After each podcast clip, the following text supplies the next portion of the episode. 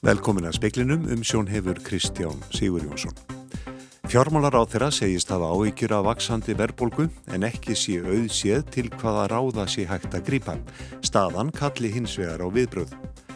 Bólusetning 5-11 ára gamalla barna nýtur stuðnings mikils meiri hluta landsmanna. Herfóringastjórnin í Myanmar ákjærði í dag Aung San Suu Kyi fyrverandi leittóalansins fyrir kostningasvig. Ár er liðið á morgun frá því að líðræðislega kjörinni stjórnlansins var stegt af stóli. Búnaður í nýrri skólpreinsistöð á Akureyri kom í veg fyrir að tæplega 20 tonna af rusli sem styrta var niður í klósettum á Akureyri endaði í eigafyrði og yfir 30 eftirlegu kindur sem leitað hefur verið að á norður og austurlandi síðan í höst skiluðu sér að fjalli í síðustu viku og um helgina. Verbolgu tölur valda áhugjum og kalla á viðbröð, segir Bjarni Benediktsson fjármálar á þeirra. Það sé hins vegar ekki auðséð hvernig það verði gert fyrir innfluttar vörur hafi hækka mikið í verði. Verðbólka mælist nú 5,7% á ársgrundvelli og hefur ekki verið meiri í rúman áratug. Ofan á innflutta verðbólgu bætast hækkanir á húsnæðisverði sem voru langt yfir vendingum. Ég uh, segja að, þetta eru tölur sem að valda áhyggjum og kalla á viðbröð. Það er ekki alveg auðsíð hvernig menn fást við það þegar að kostnaði verður að hækka á alþjóðavísu. Það er nú ekki kannski líklegt að, að við getum eitt áhrifunum að því en það er, yfirleitt, er það yfirleitt þannig að það gengur hratt yfir en um, það er svona spurning á húsnæðismarkanum hvað við getum gert til þess að auka frambóðið. Ég held að allar aðgerið sem varu til þess fallnar að auka enn eftirspurn eftir húsnæði myndu bara uh, svona sjá þennan vanda að vaksa.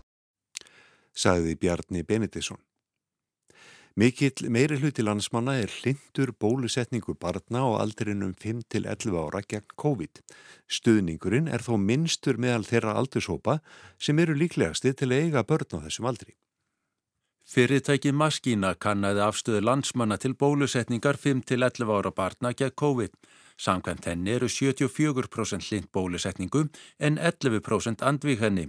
Kínin er að mestu samhljóði afstöðu sinni til bólusetningar barna en mikinn mun er að sjá á afstöðu fólks eftir aldri. Þannig eru 86% 60 ára og eldri hlind bólusetningu en 6% andvík henni. Hins vegar er 61% 18 til 29 ára fylgjandi bólusetningu en 18% andvík henni. Hvergi er stuðningur við bólusetningu barna jafn lítil og anstað jafn mikil og í þessum aldursópi. 70% næsta aldursóps fyrir ofan 30 til 39 ára eru fylgjandi bólusetningu en 14% á móti. Almennt ykk stuðningur við bólusetningu með hækkandi aldri og anstaða mingar. Stuðningur við bólusetningar er mestur meðal norrlendinga og þar er anstaðan minnst innan við 5%. Anstaðan við bólusetningar mælist mest í nákvæmna sveitafélum Reykjavíkur um 15%. Minnsti stuðningur við bólusetningu eftir landslutu mælist á Vesturlandi, Vestfjörðum og Östurlandi en það verðist þó fyrst og fremst skýrast að því að næri fjörðungur tekur ekki afstöðum. Brynjólfur Þór Guðmundsson saði frá. Herfóringastjórninni Myanmar tilkynnti í dag að Aung San Suu Kyi, fyrverandi leitauðlansins, kæmi fyrir rétt ákerðum að hafa reynd að hafa áhrif á úrslið þingkostninga í landinu árið 2020. Ár er liðið á morgun frá því að herin rændi völdum. Suu Kyi og fleiri stjórnmálamenn hafa setið í stofufangelsi síðan. Þessi nýjásta ákjæra lítur að því að Aung San Suu Kyi á að hafa reyndað að hafa áhrif á úrslitt kostningana þar sem flokkur hennar líðræðis fylkingin en LD vann stór sigur. Henni hefur verið byrtur fjöldi annara ákjæra sem kunnigur segja að ætti að duga herrdómstól landsins til að dæmana í hundrað ára fangelsi. Hún hefur þegar verið dæmt tvívegis frá því að líðræðislega kjörinni stjórn var komið frá völdum og hlotið 6 ára fangelsi. Vinn mynd fyrirverandi fórseti Mjanmar er einnig ákjærður fyrir að hafa reynda að hafa áhrif á úrslitt kostningana. Stjórnvald á Vesturlöndum hafa fordæmt valdaránið og meðferðina á Súki og samherjum hennar. Tilkynnt var í Breitlandi og Bandaríkjónum og Kanada í dag um efnahagslegar refsiaðgerðir gegn þremur hátsettum embættismönnum herfóringastjórnarinnar. Það er ríkisaksóknarannum Tita Ó, Tuntun Ó, fórsetta hæstaréttar og Útin Ó sem fer fyrir baráttusveit Mjannamars gegn spillingu. Í tilkynningu utanrikisraðunettisins í Washington segir að haldið verið áfram baróttu gegn herrstjórninni og þrýst áum að pólitískum föngum verði sleppt úr haldi. Ásker Tómasson saði frá. Blöytklútar, eirnapinnar og tíðabörur eru stór hluti að tæplega 20 tónnum af rusli sem akureyringar hafa styrta niður í klósettið síðustu tól mánuði. Úrgangurinn hefða mestu endað í sjónum ef ekki væri fyrir nýja skólpreinsistöð. Óðinn Svan Óðinsson, fréttamaður, fór og kynnti sér málið.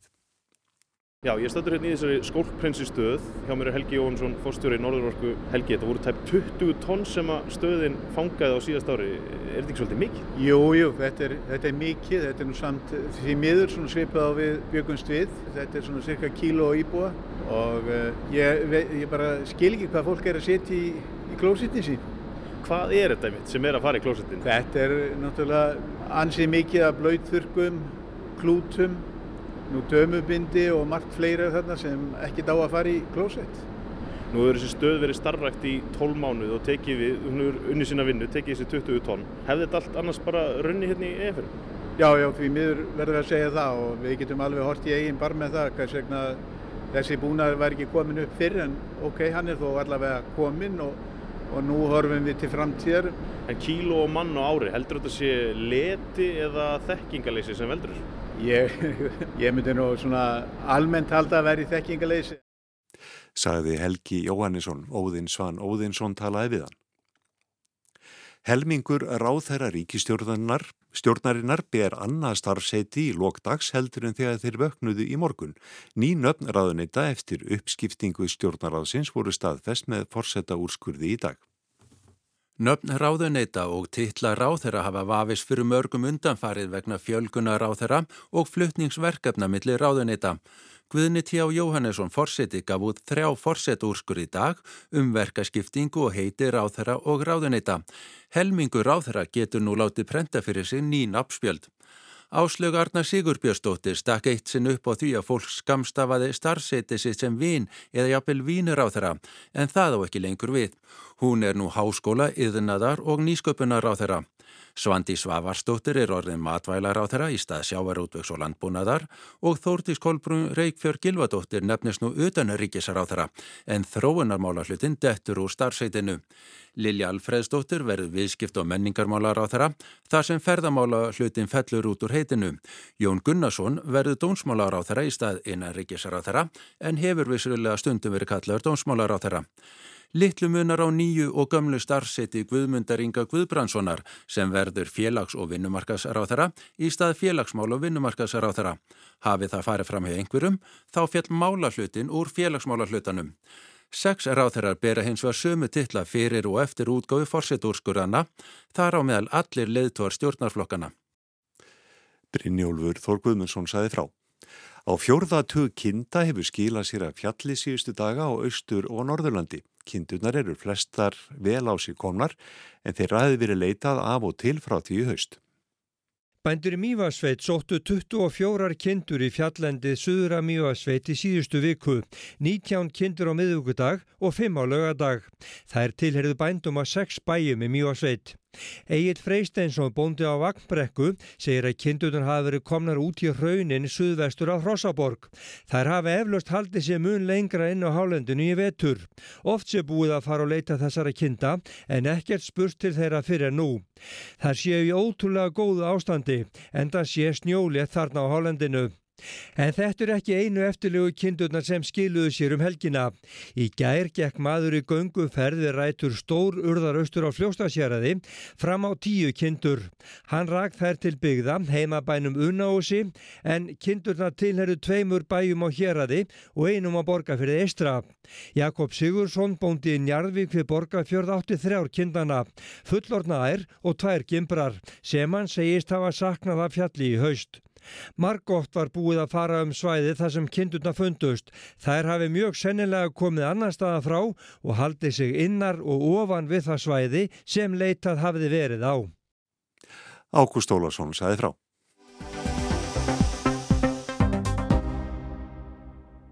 Í speklinu hér á eftir verður rætt við Sigurð Inga Jóhansson, samgöngu og sveitastjónar á þeirra um skipulagsmál sveitafélaga og snerti fleti þess þess málaflokks við ríkið. Við hugum að ástandinu á Norður Írlandi og kynum okkur íþróttalíf í Svíþjóð að tilitni Evrópumistara til til Svíja í handbólta Karla. En fyrst er það Sigur Ringi. Skiplags og húsnæðismál eru meðal stóru verkefnana hjá sveitarfélögum. Það eru líka stórir snertifletir við ríkið. Sigurður Ingi Jóhansson, innviðar á þeirra, segir gott að þessi mál sé nú í einu og sama ráðunittinu. Hann telur að sé ágreiningur milli sveitarfélaga um framkvæmdir, væri heppilegra til væri svæðiskipulag sem þau eru þá að laga sig að. Hann nefnir dæmi um vegin um teikskó og byggðalínur bæði á Suðunessjum og fyrir norðan sem hafi reynst erfitt að útkljá þar sem ekki hefur verið samstaða í sveitarfélagunum sem að máli koma. En það er líka mjög áhugavert að geta samtvinnað húsnæðis og skipilagsmálunum við sveitarstjórnarmálinn og, og samgöngur af því að við þurfum auðvitað líka geta tengt þá nýjar byggðir inn í samgöngukerfið og hafa það svona á sama tíma. Þetta eru verkefni sem eru mjög stór, verð ekki list nema með aðkomu margraðala og þar á meðal sveitafélagana til þess að, að takast á við.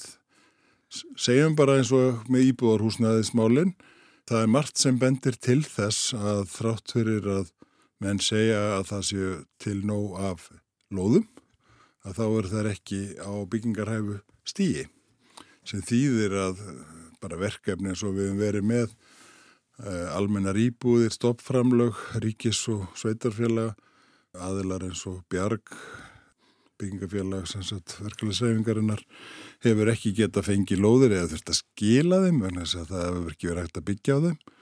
Uh, þannig að lausnin er ekki fólkin í auknum fjármunum þarna inn, heldur snýst þetta að því einhvern og einhvern átt að tækla skipilasmálinn og þess vegna finnst mér það mjög áhugavert að vera komin með í einu ráðanetti húsnæðis og skipilasmálinn og horfa þá til fyrirmynda á Norðurlandunum, Danmörku ekki síst eða Finnlands sem hafa verið á þessari vegferði í langan tíma. Og síðan hvernig við náum sambandinu við sveitafélagin um, um að ríkið hafi þá nægilega sín að að safna gögnum og hafa yfir sín yfir hvað er að gerast á markaðnum. Uh, og þau, það er stofnarnir sem við erum með sem er þá HMS og skipulastofnun geti þá brugðist við því sem að sveitafjölaugin er að kalla eftir til þess að, að hlutinni verði nægilega skilvirkir, einfaldaðir í, í þessu regluverki en lendi ekki upp á, upp á hérna, einhverjum svona tafa kontum sem gerir það verkum að lóðin sem við erum að býða eftir og munir leysa all húsnæðisvandamál hérna landsins, hún er bara ekki tilbúin fyrir neftir þrjú ár þó að það sé búið að taka ákvörðunum hún sé lóð. Lagning Suðurnesja línu 2 hefur verið ágreiningsmálum ára byll. Tekist hefur verið á um margt, eignar nám og ekki síst hvort hana er að leggja í jörðu eða lofti. Meðal annars hafa sveitarfélögin sem hún færi um, Grindavík, Reykjanesbær, Hafnafjörður og Vogar ekki haft sömu afstöðu til framkvæmda. Í haust feldi úrskurðar nefndum umhverfis og auðlindamálur gildi ákverðun sveitafélagsins voga um að hafna umsóknum framkvæmdalefi en feldi líka ákverðun hafnafjörðabæjar um að samþykja lagningur gildi. Þetta er líka verkefni sem við þurfum að finna einhverja leiðir út úr. Við getum í þessu sambandi auðvitað hort líka til Norrlandanes og mörgu sem við gerum. Uh, þeir hafa nýtt landskipulag sem að ríki setur í meira mæli heldur en við. Eh, við höfum verið svona, verið í alls konar vandraðum, þú nefnir söðunesalínu, við getum nefnt hérna byggðalínuna á Norðurlandi, byggðalínu þrjú, ég geti nefnt Tegsskó eða Guðvudalssveitarvegin, sko margt af þessu er nú komið í einhvern löstnarlegan farveg. Við til að mynda í kjálfærið á óveðrinu, desember óveðrinu 2019, settum að lakirnar hóp sem að endaði með frumvarfi sem ég mun koma með inn í þingið núna sem að, sem að því að það náðist ekki að klára síðastliði vor eh, frumvarp þar sem að þegar að mörg sveitafjölu koma að ákverðun svona umflutningskerfi, hvort sem er vegur eða í þessu tilvegi er það reynda bara línur að þá sé hægt að búa til ákveðin farveg til þess að taka slíka ákverðun. Hvernig verður þá því meiri hlutin, meiri hlutin ræður og þarna er þá eitthvað skonar svæðiskipulag sem mennur að þróa aðeins lengra Og er það þá meiri hluti í sveitarfjöla eða er það meiri hluti í búa á svæðinu eða hvernig verða menn alltaf menna? Jú, það, er, það er það komið svo langt? Það er ekki alveg kannski komið þangað en, en hérna það er vendarlega þá þarf að taka tillit til þess að, að hérna það er bæði íbúa fjöldi en það getur líka verið hérna, fjallæðir sem það skipta máli. En þarna er svona einleið til þess en, en eins og ég segja á sumstar og Norrlöndum hafa menn beitt landskipla í þessu til þess að leysa úr slíkum ágreiningi þar að segja þegar að stór álítamál er varðar alminning að þá séu svona megin línur lagðar að holfu ríkisins sem að þá sveitafélagin þurfi að aðlæga sig að en aftur getur við líka sagt að þegar sveitafélagin verða stærri og þurfa að taka, hags, taka tillit til fleiri hagsmuna að þá kannski leggjast þau yfir svona mál með aðeins öðruvísi hætti en ef þau eru mörg og smá. Þú myndir vilja fyrir það þann veg að fara í átt að, já, svona einhverju myndi segja, þá er miðlægari stjórnsýslu í, í sambandi við þetta og meira ríkisvaldi? Mér finnst allan að sjálfsagt að það sé hluti sem við ræðum uh, sem valkost uh, því að við getum auðvitað ekki hort upp á það sem við höfum verið að horfa upp á núna síðastliðin 20 ár að ákvarðan er um, um mikilvæg almannagæði eins og ringveg um vestferði eða rafmaks öryggi á heilu landsveðunum hvort sér á Suðunisum eða á Norðausturlandi séu uppnámi með tilherandi tjóni fyrir alla þá sem þar búa vegna þess að við komum okkur ekki saman um að taka ákvarðanur um leiðir. Sagði Sigurður Ingi Jóhansson. Anna Kristín Jónsdóttir talaði við hann.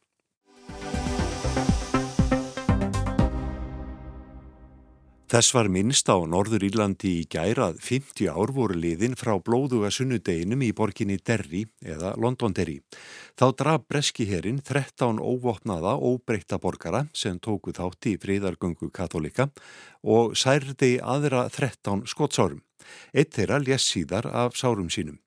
Þessi atburður var til þess að átök katholika annars vegar og mótmælenda og breska hersins hins vegar mögnuðust um allan helming og breyttist í raun í borgarastyrjöld á Norður Írlandi sem stóð allt til ársins 1998 þegar fríðarsamningur var undir í þaður.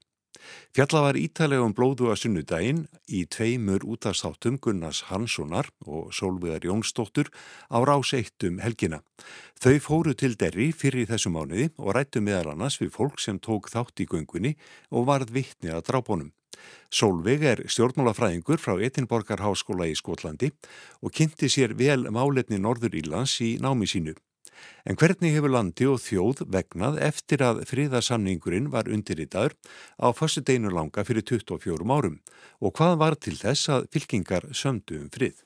Það er svona margir samverkandi þættir sem eiga þarna bæði á pólitíska sviðinu og samfélagslega breytingar sem að verða þarna.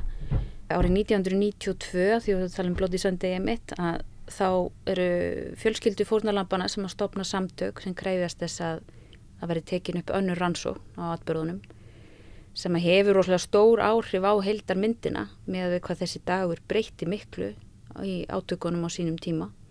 Og svo gerist það náttúrulega eitt af öðru bara fyrir gríðilega vinnu af hálfur margra stjórnmálamanna, öflur af stjórnmálamanna John Hume og, og fleiri. Og þessi svona samfélagslega vitundi kjölfarið að fólk var bara fyrir svo löngu, löngu búin að fá miklu, miklu meira nóg Er þetta brótættur friður? Hann er það í þeim skilningi kannski ekki að, og það var mál viðmælendana okkar þarna úti sem við hittum, ekki að það fari að verða stór átök aftur, sprengingar og, og eitthvað svoleiðis. En kannski frekar líðaninn, svona dagstælega líðaninn um það að það er ekki allt í lægi. Þó að það sé friður og það sé búið að semjum það og skrifa undir það að þá er svo ótrúlega margt sem gerðist sem að er þessuna einmitt svo mikilvægt að, að fólk fái réttlæti fyrir. Að svona að fortíðin sé svolítið gerð upp svo þessi hægt að halda áfram. Hvenar og svona á hvaða tímapunktum hefur spennan magnast upp að nýju? Það er klárlega þegar verða einhverju svona atbyrðir í kringum páskana, þá er verið að minnast páska upprýstnarinnar 1916 þá er ofta eitthvað sem gerist þegar að eru þessi göngutímabil sem við talaðum um í júli þegar verðum að minnast ákveðna atbyrða í sögu hvora hliða fyrir sig St. Patrick's Day í mars það er alls konar svona sem og gangan núna í gær, minningagangan um Bloody Sunday þetta er allt voða viðkvæmt þegar eru einhverju svona viðburðir sem að hvort hliðin um sig á og þá fara stundum einhverju fánar á loft og stundum verða óeriðir sem að kannski endilega komast ekki til fréttinnar ef þeir eru afmarkað við einhver ákveðin hverfi. Svo kynslo sem er að vaksa á grasi núna, já, svo kynslo sem er fætt eftir að þriðarsankomlega er undirritað. Hvernig líður henni? Henni líður ekki vel og það er alveg búið að rannsaka það sérstaklega og það var farið í stóra heildræna rannsókn á geðheilsu Norður Íra 2011, fyrst kannski 2005-2008 og svo 2011 það sem að þessi vopnarliðsbönn, svo kallu, þau sem eru fætt eftir 98, að þau finna svo sem ekki sinn stað í samfélaginu. Þarna er allir sem fættir eru undan deila þessari sameilu reynslu að hafa upplifað þessar hluti þó sem það hafi ekki verið gott en þá eiga þau þetta saman og þar eru þau svolítið svona utanveldu í samfélaginu hvað þetta var þar ofan á það að mörg þeirra eru uppalandur þeirra, fóreldrar uppliðu þessi átök og uppliðu oft margar skelvilega hluti og kannski þó að það sjáist ekki líkamlega fólki það sé ekki glíma við einhvers konar föllun líkamlega eða andleg mein á eftir en það að hafa upplifað þennan stöðu að óta allan þennan tíma að það markarar fólk og það eins og í öllu öðru það fer inn í fóreldra hlutverkið þitt og það hvernig þú nálgast börnin þín og, og hvernig lífið verður hjá venilegu fólki. Á þetta jamt við um mótmælendur og katholika?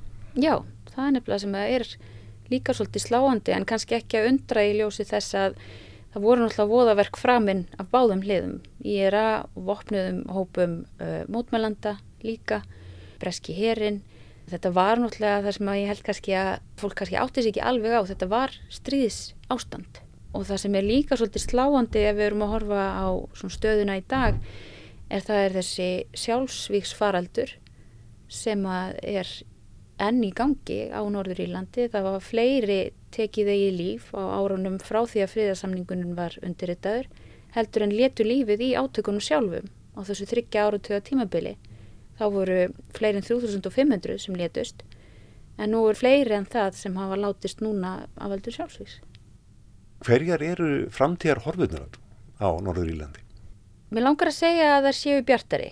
Þetta er erfið staða og fólki sem við hittum úti þegar ég og Gunnar fórum núna í janúar, þau eru öll á því að með meiri mentun, meira aðgengi að mentun og kannski fleiri tækiförum heldur en að þjóðfélagi hefur séð og, og ungt fólk hefur séð lengi að þá förum við ekki sama farið en á sama tíma þá er ennþá hátt atvinnuleysi og það er kannski ekki mörg úrræði fyrir fólk sem er að glýma við eftirkvöst átakana. Það er kannski þetta sem þarf að gefa svolítið gaum og það eru það stjórnvöld sem þarf að grýpa inn í með aukinni fjárvitingu og uppbyggingu til að grýpa fólk til að samfélagi geti haldið áfram unnið sig upp úr þessu og geti veitt börnunum sínum og komandi kynnslóðum betra líf. En er þessum atbyrðum haldið við í minningunni?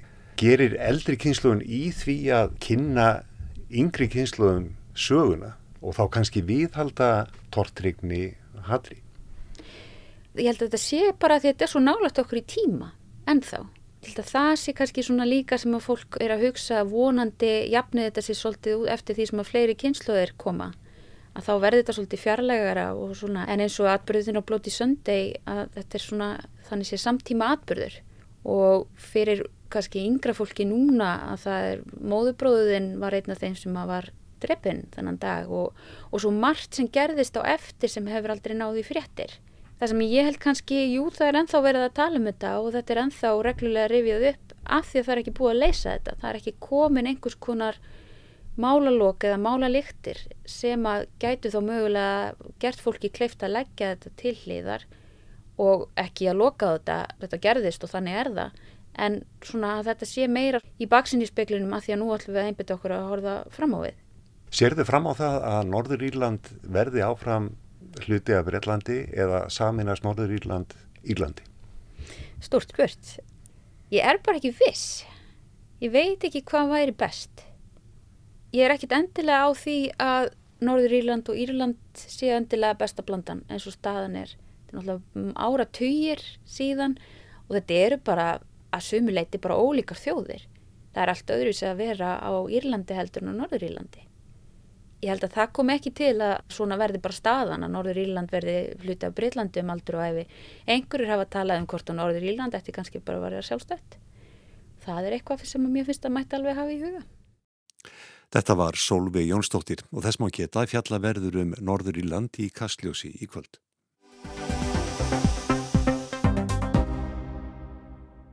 EM-guld, Niklas Ekberg, han har gjort det mot Spanien förr, han måste göra det igen, annars får vi förlängning. Ekberg har guldet i sina händer, han har Gonzalo emot sig, han fintar, han fintar, han skjuter i mål! Och Sverige kommer att vinna! Mark úr vítakasti eftir að venjulegur leiktími var liðin tryggði svíjum eins marks sigur á Spánverjum 27-26 í úrslita leik Evrópumótsins í gær. Loksins eftir tap í síðustu tíu viðurregnum landana. Svíjar eru Evrópumeistarar Karla í handbólta, fyrsti sigurinn á stormóti í 20 ár. Förstår jag vad, vad allt, all, all folk i Sverige menar med när har sett oss spela, hur, hur jobbigt det kan vara att sitta framför, framför tvn. För jag är, jag er helt genomsvettig här. Nú skil ég hvað fólk átti við þegar það var að segja að það veri erfitt að fylgjast með okkur, sagði gamall fjandvinur Íslendinga Staffan Olsson eftir leikin. Hann væri alveg löðrandi sveittur, sagði hann, en gladur. Og gleðin sést á forsýðum og heimasýðum að minnstakosti sumra fjölmiðla hér í Svíþjóð í dag. En það kemst þó margt annað að í fréttum líka. Eins og stormurinn Malik sem herjað hefur á Skandinavíu, loftslagskrísan, hver voru vinsælustu barnanöfnin í Svíþjóð á síðast ári og undirbúningur fyrir vetrarolimpíuleikana sem hefjast í Peking í vikunni. Þar verður meðal annars keft í skíðagöngu, íþrótt sem svíjar hafa gríðarlegan metnað fyrir. Handbólti nýtur auðvitað vinsælda og virðingar og svíjar eru gamalt stórveldi. En handbólti er langt frá því að vera einnum hituna þegar kemur að íþrótta áhuga og afregum svíja.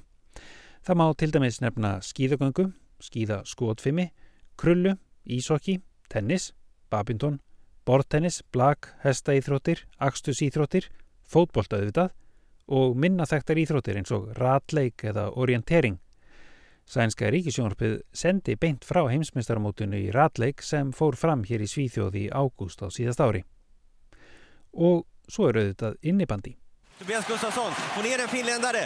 Oj, oj!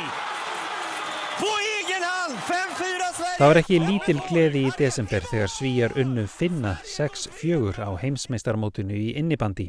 Fyrsti heimsmeistaratitil Karla síðan 2014. Það er stundum sagt í háði um Svíja að þeir trúi því að innibandi sé ein af vinsælustu íþróttum heims, en í raun er nær hverki kefti henni af alvöru nema í Svíþjóð og Finnlandi. Íþróttin er eins og vinsælasta í Svíþjóð með ríflega 300.000 yfkandur. Vinsældir minni íþrótta eins og ratleiks og innibandi eru þó kannski fyrst og fremst til marksum það hver útbreytt íþróttaiðkun er. Góður árangur sænsks íþróttufólks á alþjóðavettvangi, engum ef miðað er við höfðatölu, er oft rækinn til þess hver almenn og sjálfsögð íþróttaiðkun er hér í Svíþjóð og hver upplugt félagsstarf er í kringum íþróttir eins og reyndar margt annað. Útbreytt og upplugt starf félagsamtaka hefur lengi verið eitt af aðalsmerkjum sænsks samfélags og órjúvanlegur hluti af fólkhemmet því samfélagi sem byggt var upp af sænskum stjættafélögum og jafnaðarmannafloknum á miðri 2000-öldinni.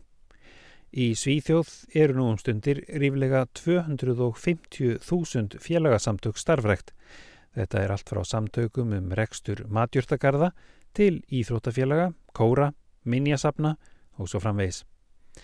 Þrýr af hverjum fjórum íbúðum í Svíþjóð eru meðlimir í einhverjum félagasamtökum og 29% landsmanna taka virkan þátt í starfi að minnstakosti einna samtaka, til dæmis með því að setja í stjórn eða vinna sem sjálfbúðaliðar. Þetta er Kári Gilvason sem talar frá Svíþjóð. Og þá var helst í speklinu hjá okkur í kvöld að fjármálar á þeirra segist hafa áhyggjur af vaksandi verbolgu en ekki séu auðséð til hvaða ráða hægt sé að grýpa. Staðan kalli hins vegar á viðbröð. Og bólusetning 5-11 ára gamalla barna nýtir stuðnings mikils meiriluta landsmanna. Fleiri er ekki spekli kvöldsins, tæknimaður í útsendingu var Mark Eldredd. Verðið sæl.